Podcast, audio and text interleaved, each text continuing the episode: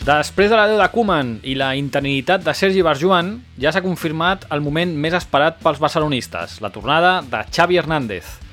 Després de 6 anys de la seva retirada com a jugador del Barça, on va jugar 767 partits i va aconseguir 25 títols, Xavi tornarà aquesta vegada com a tècnic amb la difícil tasca de tornar al primer equip de futbol a l'excel·lència futbolística.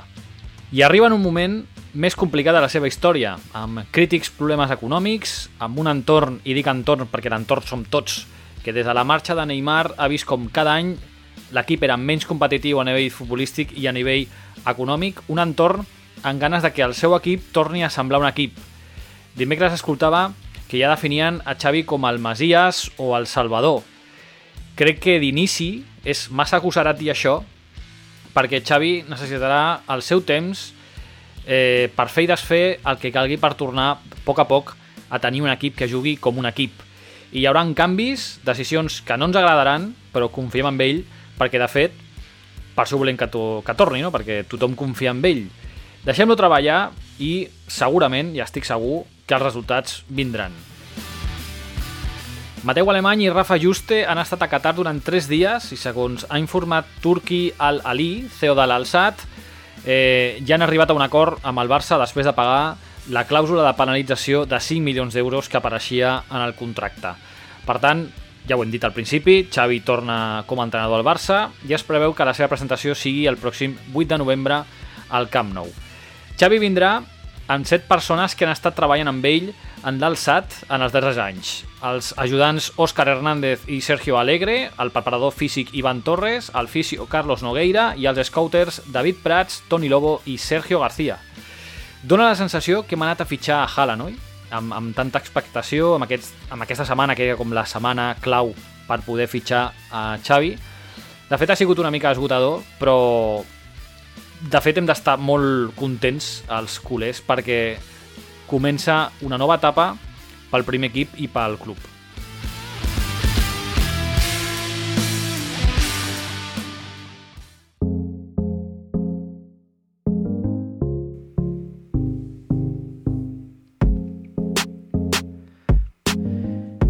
I ara anem amb una mala notícia i és una altra lesió d'Ousmane Dembélé. El jugador té ara una elongació al semimembranós de la cuixa esquerra.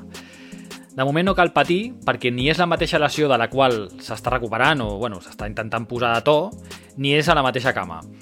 El motiu d'aquesta nova lesió va ser jugar 30 minuts en joc dels 15 recomanats pels metges tal i com va reconèixer Sergi Barjoan a la roda de premsa després del partit a Kiev.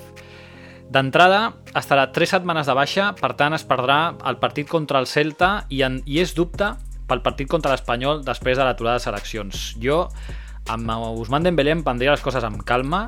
Eh, si s'ha d'allargar molt més la seva tornada als terrenys de joc, jo ho faria, perquè crec que ara mateix, amb l'equip que tenim i amb les eh, necessitats a, a l'atac no, diguéssim, del Barça, eh, és imprescindible tenir Ousmane Dembélé eh, bueno, a to i preparat físicament per poder lluitar pel que sigui aquesta temporada.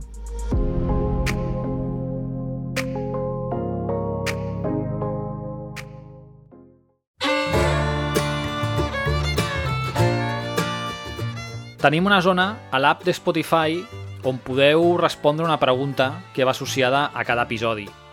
La d'aquest és la següent. Quines creieu que haurien de ser les primeres decisions de Xavi com a tècnic del primer equip?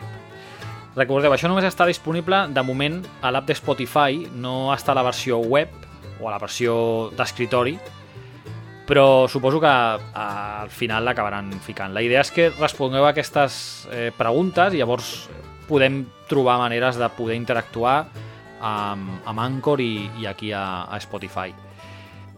Fins aquí l'episodi de, de primera graderia. Recordeu que us podeu subscriure al podcast perquè us notifiqui sobre nous episodis, sobre l'actualitat blaugrana i el món del Barça. Seny, pit i collons i visca el Barça!